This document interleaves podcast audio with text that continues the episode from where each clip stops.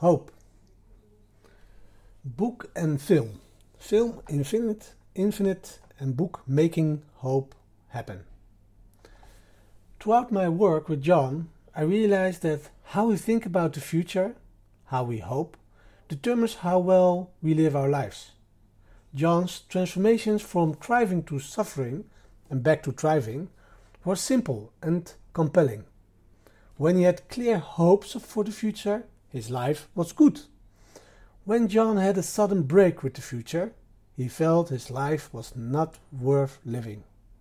As John reconnected to a meaningful future, his life became good again, and he was excited about it, and his health mysteriously stabilized.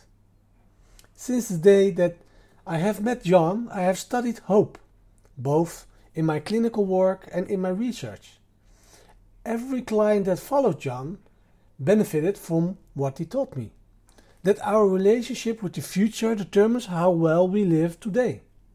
I ask my clients new and different questions, starting with How hopeful are you about your future? I changed the way I opened my first session with them. How can I help you today? became if therapy is successful now, what will your life look like in five years? I didn't see clients as broken in the way I once had. I wasn't trying to fix them anymore. I was doing everything I could to help them be better students, partners, or patients, so they could realize bigger goals in their lives. Quote van Shane J. Lopez. van, van het boek Making Hope Happen. In het Nederlands zegt ze: Door mijn werk met John realiseerde ik mij dat hoe we over de toekomst denken, hoe we hopen, bepaalt hoe goed we ons leven leiden. John's transformaties van gedijen naar lijden en weer terug naar bloeien waren eenvoudig en meeslepend. Wanneer hij duidelijk verwachtingen voor de toekomst had, was zijn leven goed.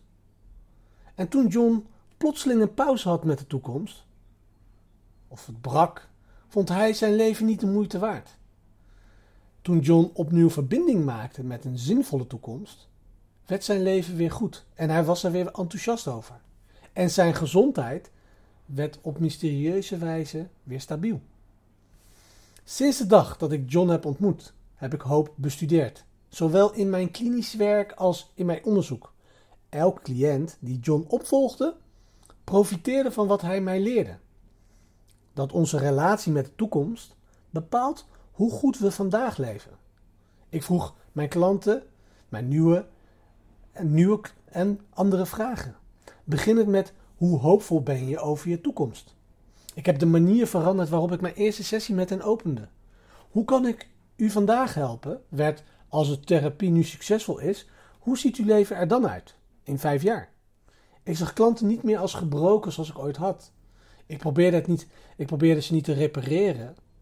Ik deed er juist alles voor om ze te helpen betere studenten te worden, partners of patiënten, zodat ze grotere doelen in hun leven konden realiseren. In de film Infinite zegt Mark Wahlberg, terugkijkend op zijn leven: Yes, we fall. Yes, we fail.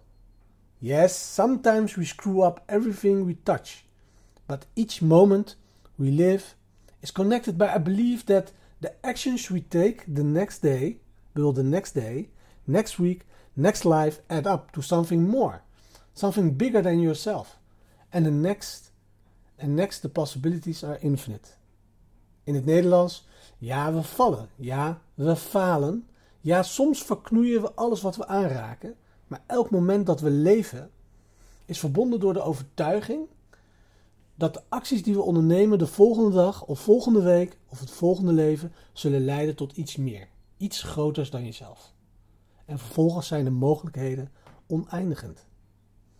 En in deze woorden vangt hij heel mooi de essentie van hoop. Maar hoop is niet iets dat je uit een boek leert. Het is iets dat je moet uitoefenen, in de praktijk brengen. Je brengt hoop tot leven door het te betrekken in je handelingen, in je acties die je doet. De microles van vandaag gaat over jouw hoop. Kan je zien hoe jouw overtuigingen verbonden zijn met de acties die je wel of niet onderneemt? En kan je zien hoe jouw hoop jouw leven vormt?